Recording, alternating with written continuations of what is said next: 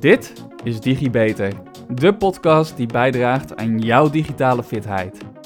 In deze wekelijkse podcast ga ik, Jurian Rijmakers, al dan niet met gasten, in op zaken die bijdragen aan jouw i-vaardigheid en i-vakmanschap. Ik doe dit voor iedereen, of je nu werkt in het bedrijfsleven, bij de overheid, nog studeert of al lekker van je pensioen geniet. In deze podcast gaan we in op nieuws en actualiteiten rondom het digitale domein. En we helpen je fit te worden en te blijven. Of je nu digitaal fit en kundig bent of pas net begint, we maken deze podcast voor iedereen. Want in deze steeds verder digitaliserende samenleving zal je je vaardigheden moeten blijven ontwikkelen. Hey hallo beste luisteraars en welkom bij weer een nieuwe DigiBeter. Ik wilde het vandaag gaan hebben over de metaverse, want dat is de afgelopen tijd behoorlijk in het nieuws. Facebook heeft zelfs zijn naam veranderd naar Meta. Echter, voordat ik inga op de metaverse, eh, is het goed om de ontwikkelingen daarachter te kennen. En vandaar dat we het vandaag in DigiBeter niet gaan hebben over de metaverse, maar over platforms en de platformeconomie. De digitale transitie dringt steeds verder door in ons leven van alle dag. En het lijkt haast onvermijdelijk dat dit nog meer zijn weg zal gaan vinden in onze fysieke wereld.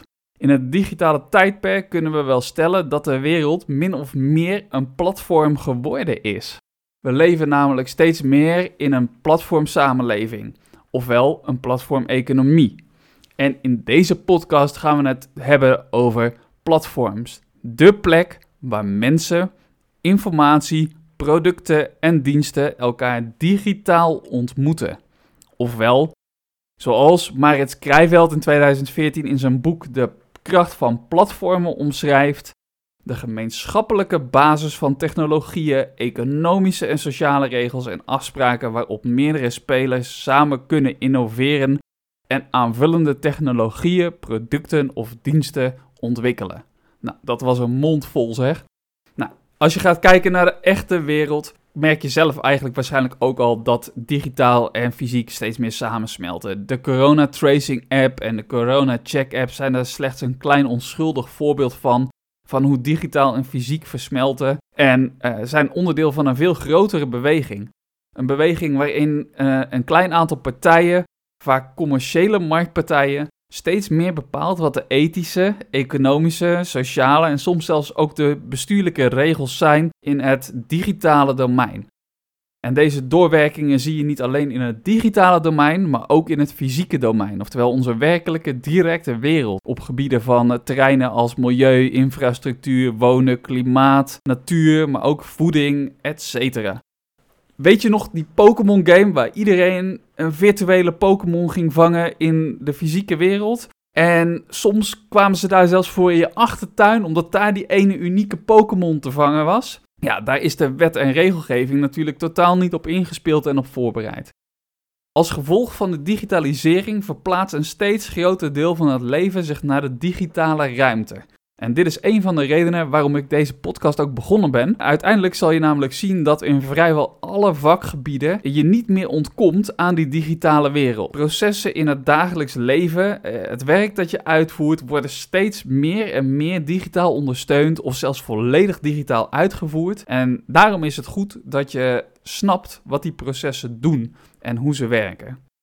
Fysiek en digitaal vervlechten dus steeds meer. Nou, dit is mede door zaken zoals virtual reality en augmented reality, oftewel een volledige digitale wereld waar je in je rond kan bewegen als een uh, avatar, of een uh, manier om een digitale schil over de werkelijkheid heen te leggen. En een andere manier waarop digitaal en fysiek elkaar raken is dus met die corona-app. Waarbij je met je, eh, als je Bluetooth aanstaat op je telefoon en je dichtbij bij een ander komt, je connectie maakt als je langs elkaar heen loopt. En er op die manier verbanden gelegd kunnen worden. Zoals dat je je bijvoorbeeld moet laten testen, want de andere persoon met het uh, andere Bluetooth device was positief getest op corona. De vraag is, wie gaat de spelregels in deze wereld bepalen? Als je een digitale schil over die werkelijkheid heen legt, oftewel een digitale tweeling of een kopie maakt van deze werkelijke wereld.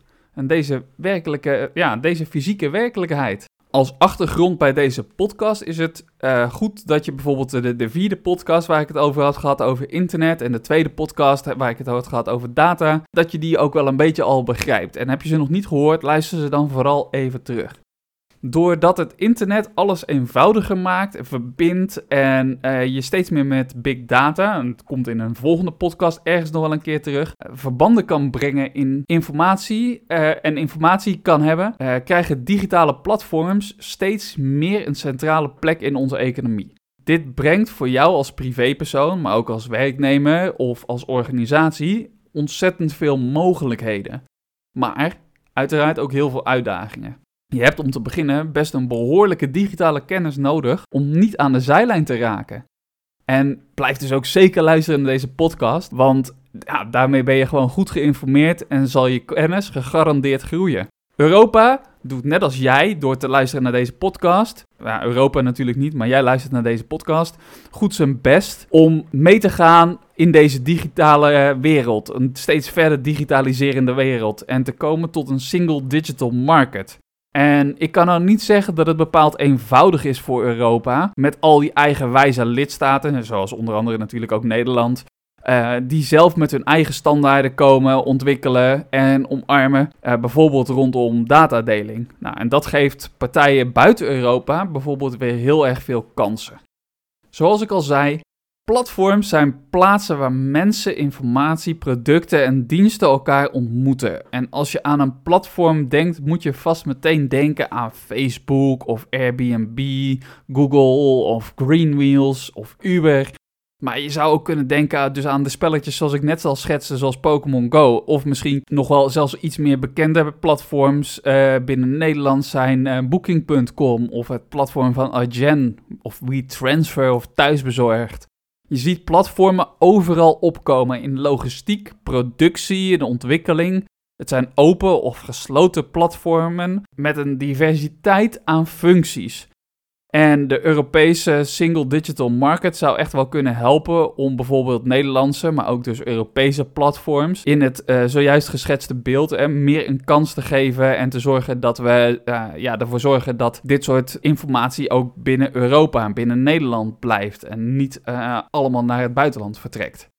Deze kansen die we creëren zijn echt wel hard nodig, omdat uh, platforms onder meer in sommige gevallen de rol van de middleman overnemen.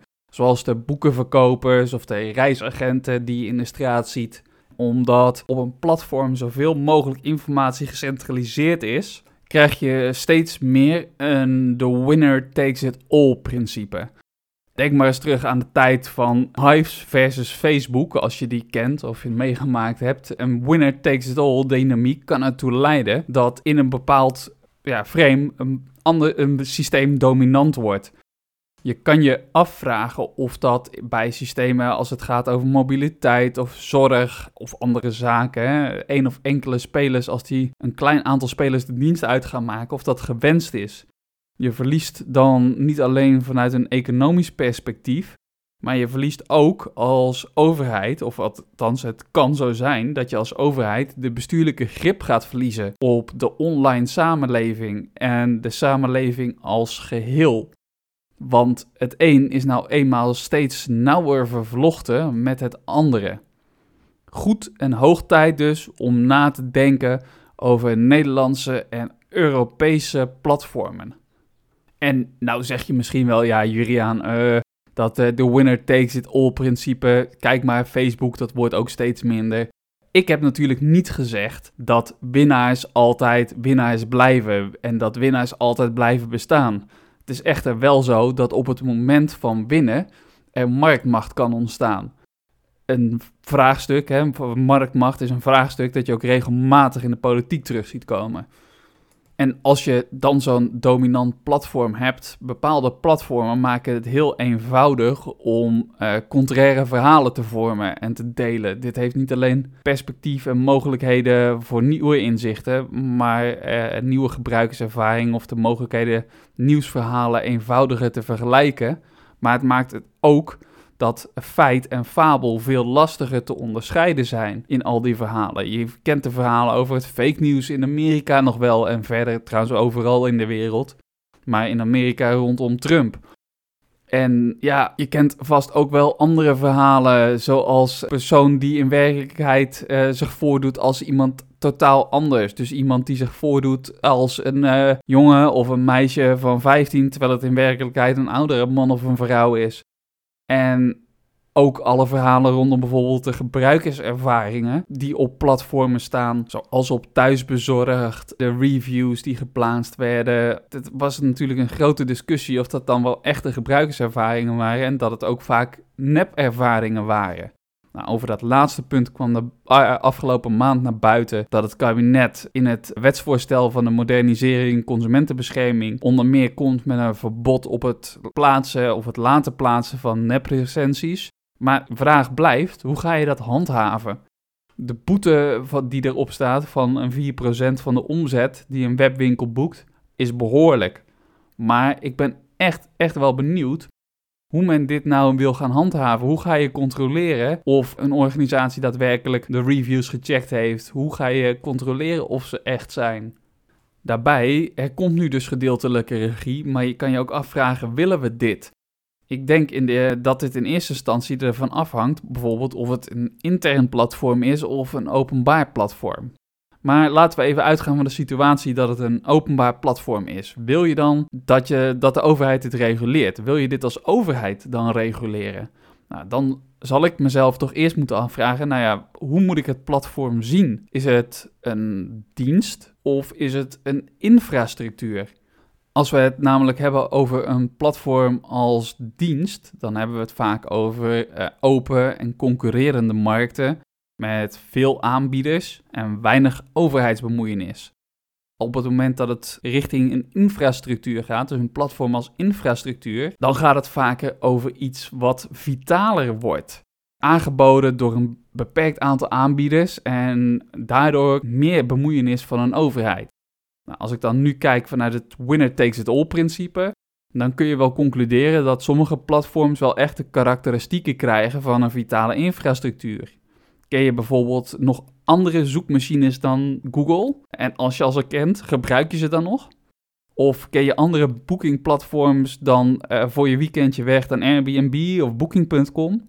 Nou, deze dominantie maakt wel dat het goed is dat, en dat overheidsingrijpen uh, relevanter is. Zo zie je bijvoorbeeld bij Airbnb, bij de gemeente Amsterdam, daar hebben ze natuurlijk ingegrepen omdat anders afspraken, wet en regelgeving gewoon niet meer te beheersen was.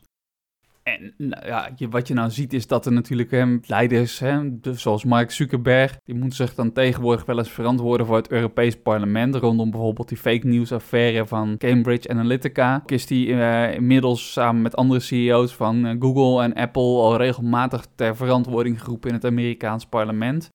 Maar wat ik hiermee wil zeggen is, accepteer als gebruiker of medewerker niet alleen dat het uh, interne of externe platform in gebruik is dat het handig is, maar ga er eens kritisch naar kijken. Want deze mensen kunnen een hele hoop roepen, maar ja, stiekem hebben ze misschien toch wel verborgen belangen zeker in jouw organisatie en de, uh, kijkend naar de platforms die je zelf gebruikt, ga er eens naar kijken. Zou, uh, en echt in je organisatie kan het beter. Hoe zit het met de informatie die op de platformen bij ons in de organisatie staat? Staat er bijvoorbeeld informatie op in relatie tot privacy of bedrijfsgeheimen? Wat wil je ermee? Wat was het doel?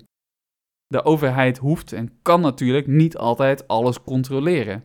En daarbij zijn sommige platforms vanuit een overheidsbeleid soms ook echt wel heel nuttig. Denk bijvoorbeeld aan uh, een platform waar je je gezondheidsinformatie kan vinden. Of waar zorginformaties jouw gezondheidsinformatie kunnen vinden. Uh, om je zo snel mogelijk en zo goed mogelijk te helpen. Een platform ontwikkeld met de beste bedoelingen. Maar ja, het blijft goed om daar op een kritische manier naar te kijken. En daar even nou bij stil te staan van wat was nou de bedoeling? Helpt het jou? Is het echt praktisch? En wat zijn de gevaren die erachter schuil gaan? Hoe kan een platform jou als interne klant binnen de organisatie helpen? Het kan je bijvoorbeeld helpen je processen eens een keer in een ander daglicht te bekijken als je goed kijkt op een platform. Platformen zijn namelijk vaak ondersteunend aan een bepaald proces. Ze ondersteunen een bepaald doel. Denk maar eens aan het smoelenboek op internet waar je je collega's kan vinden, of een centraal punt waarop je je ICT-storingen kan melden, vragen kan stellen of wensen kan indienen om een bepaald proces misschien nog wel beter te ondersteunen. Nou, daar kun je echt wel informatie uithalen die interessant is. Ga je naar een intranet kijken, dan groeit het vaak uit tot een puist van een platform.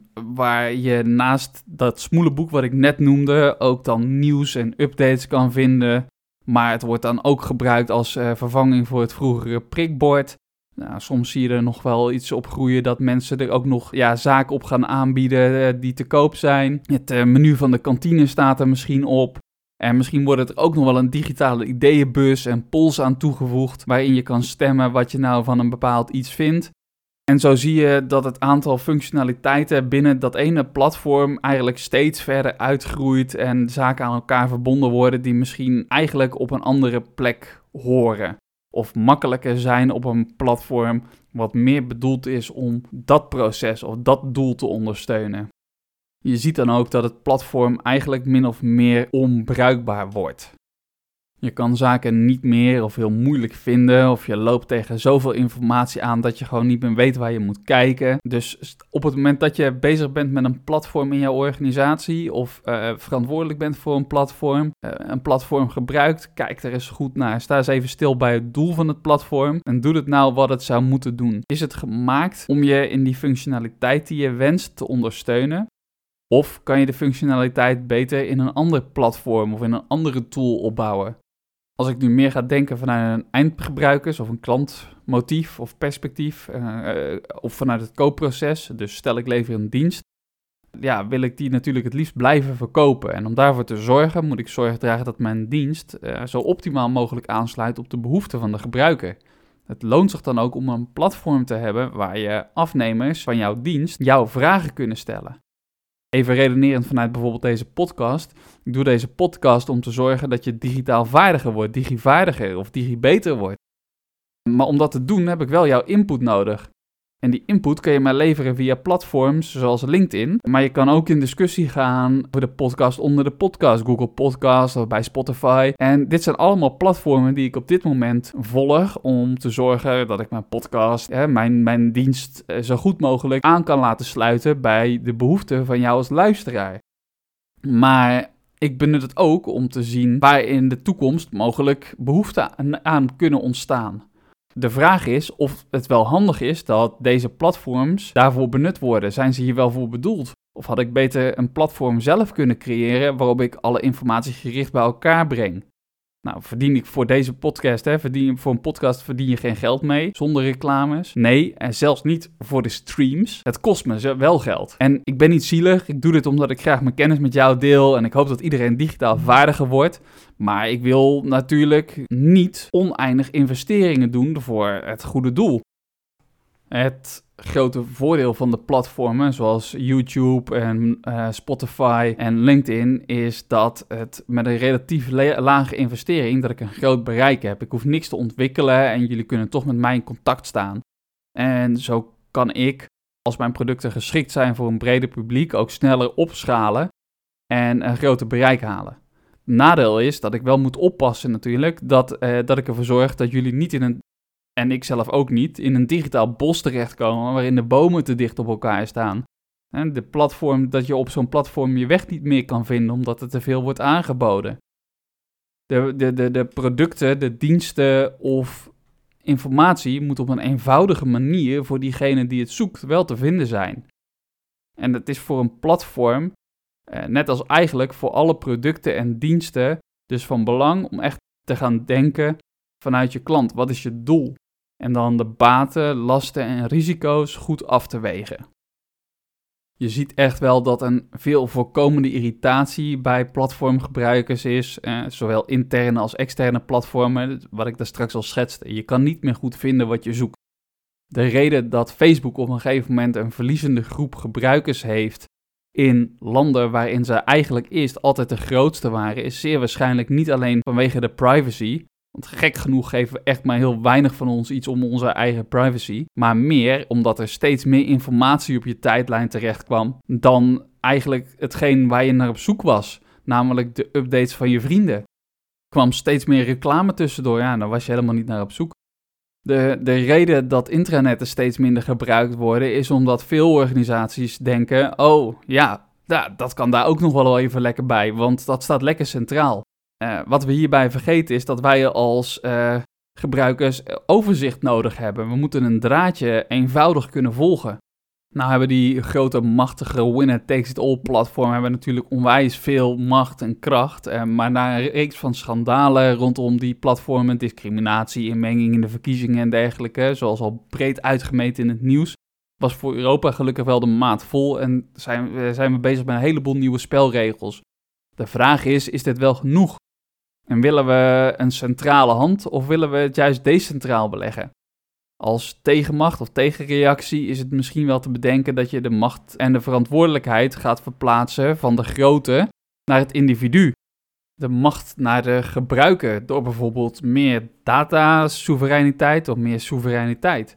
Jij als gebruiker hebt invloed op wat er met jouw informatie gebeurt, maar ook op zaken als wat er bijvoorbeeld met het platform gebeurt, hoe het functioneert, wat je erop post en het verwijderen weer van je eigen informatie. Vraag bij bijvoorbeeld datasoevereiniteit is dan bijvoorbeeld wel weer: begrijp je wel wat het betekent? Kan je de verantwoordelijkheid wel aan? Ehm, kun je, kun je inschatten wat het gebeurt als jij zegt van, nou ja, oké, je mag wel met mijn data aan de slag gaan. En wanneer je bepaalde zaken van een platform graag aangepast ziet en je hebt daar invloed op, kan je dan ook inschatten wat bijvoorbeeld een mogelijke impact is? Of moet je dat dan toch bij, de, bij een ander laten? Andere vragen in de snelle technologische ontwikkelingen is ook uh, in hoeverre je iemand kan bestraffen voor hetgeen wat online gedaan wordt. Je ziet het in de rechtspraak, zie je het ook terugkomen. Uh, het bestrijden van online criminaliteit is gewoon nog lastig. De rechtspraak over digitale zaken is volop in ontwikkeling, maar technieken gaan zo snel dat de rechtspraak het amper, of beter gezegd misschien zelfs wel helemaal niet bij kan houden onderliggend aan al deze platformen waarover we ons bewegen, dus Facebook en Snapchat en Instagram, ja, de complexiteit is gewoon nog moeilijk te bevatten. En zowel in de online als in de fysieke wereld is het nog wel een beetje de vraag of de centrale organisatie van platformen, in de brede zin, de digitale systemen, of dit gaat blijven. Of dat we misschien langzaam wel weer de beweging inzetten richting een meer gedecentraliseerde, richting meer gedecentraliseerde omgevingen. Zoals door bijvoorbeeld blockchain-ontwikkelingen is ingezet. Daar waar we eerst data steeds meer gingen centraliseren, dit nu door deze ontwikkelingen weer meer decentraal gemanaged kan worden. Een andere, meer contrasterende beweging is, ja, en die lijkt meer centraliserend, is die beweging naar het metaverse. Waarbij online werelden, de platformen, juist weer meer samenkomen. Hoe dit precies gaat lopen, is echter nog moeilijk te voorspellen, omdat de metaverse nog niet echt bestaat. Het zit nog in een beginfase, een ontwikkelfase, waarin het metaverse eigenlijk meer een soort van visie is over hoe dit er in de toekomst uit zou kunnen gaan zien. Maar je ziet wel dat steeds meer bedrijven zich erop gaan storten. Facebook is er al, was er al een tijd mee bezig, maar in de afgelopen week bijvoorbeeld kondigde ook Microsoft aan om met Microsoft Teams meer in te gaan haken op die metaverse, zodat je daar als avatar in een soort met van virtuele omgeving kan zitten. Zit je daar dan straks lekker als virtuele digitale avatar, dus zo'n zo'n bewegend poppetje in zo'n vergaderzaal met andere virtuele digitaal bewegende poppetjes? Ja, je kan het je misschien uh, haast nog niet eens voorstellen hoe dat dan in zijn werk gaat. Ik kan me zo voorstellen dat met die uh, virtual reality brillen of die augmented reality brillen dat je zelfs in plaats van dat je nu alleen nog maar naar je beeldscherm kijkt, dat je bewijzen van om het bureau waarop je laptop staat, dat je daar virtueel de mensen omheen hebt zitten. Ja, of dat het vergaderen makkelijker gaat maken, dat is natuurlijk wel de vraag. Feit is, de metaverse is echt een ontwikkeling waar we naartoe gaan. Uh, zeker als het ligt aan deze grote platformen, zoals Microsoft en Facebook. En even herstellend, Microsoft is natuurlijk niet het platform, maar Microsoft Teams is het platform. In deze podcast ben ik ingegaan op de platformisering van de wereld. Je steeds meer platformen, winkelplatformen, Facebook, sociale media platformen. En zoals je hebt gehoord, is er dus echt een legio van deze platformen. Het verschillende, ja, ze hebben verschillende doelen en het is belangrijk om bij de ontwikkeling daarvan goed te letten op de gebruiker. De gebruikersbehoeften dus goed voor ogen te houden. Wat is jouw doel wat je wil bereiken en hoe kan dat doel zo goed mogelijk aansluiten op de behoeften van degene waaraan je het wil leveren. Maak dus geen intranet waarop je alle bedrijfsinformatie zet uh, die er maar te vinden is, maar richt je platform op één doel. Zoals bijvoorbeeld uh, de HRM-zaken. Of het doen van ICT-meldingen door middel van het kijken naar wat nou de functionaliteit is, zodat die nog beter kan aansluiten op de behoeften van de gebruiker.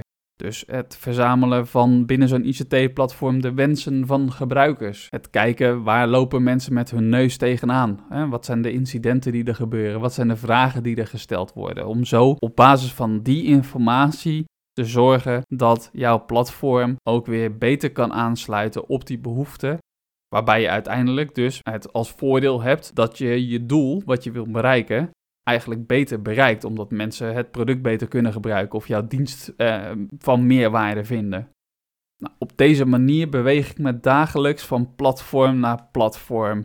Zowel privé als op het werk uh, beweeg ik me tussen de verschillende digitale platformen van Outlook, van Facebook, van, nou ja, noem maar op. En op het moment dat we deze platformen aan elkaar gaan knopen, het centraliseren, krijgen we langzamerhand werken we toe naar de metaverse. Dus we gaan een leven in die digitale wereld van platformen, waarbij we digitaal van het ene naar het andere platform overstappen, als het ware dat we daar middenin zitten. En zoals ik er nu dus tegenaan kijk, is het metaverse een soort platform een virtuele omgeving, een virtuele ruimte waarin je je bevindt door middel van bijvoorbeeld je avatar. En in die virtuele omgeving, in die virtuele ruimte, kun je weer door naar andere platformen, naar andere ruimten. Hoe dat metaverse dan precies in elkaar zit en helemaal de diepte-informatie, daarin ga ik er een andere podcast verder op in. Want het is zeker een interessante ontwikkeling om over na te denken, maar ook om in de gaten te houden. Zowel voor je beleid als voor je interne werkomgeving. Om eens na te denken, wat kan dit nou betekenen en wat kan het nou brengen voor jouw organisatie. Maar voor nu ik hoop dat je er wat van opgestoken hebt. Heb je dan nog vragen over platformen en de platformeconomie? Weet me te vinden. En tot de volgende keer. Tot de volgende DigiBeter. Vond je dit nu een leuke uitzending en wil je meer weten? Abonneer je dan op de podcast door op volgen te klikken. Het duimpje omhoog en geef een beoordeling van bijvoorbeeld 5 sterren, zodat nog meer mensen deze podcast kunnen vinden. Wil je collega's, vrienden, familie, zoals je opa of oma, net zoveel plezier doen en ze digitaal fitter krijgen? Deel dan de podcast. En zo worden we samen allemaal digitaal. Heb je een vraag over wat er verteld is in de podcast? Een bepaald onderwerp dat je graag terug zou willen horen?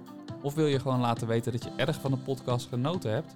Je kan mij feedback geven en vragen stellen via LinkedIn. Zoek dan even naar Juriaan Rijmakers. Hoe dan ook, na deze podcast ben je weer een beetje digifitter. Tot de volgende keer, tot de volgende DigiBeter.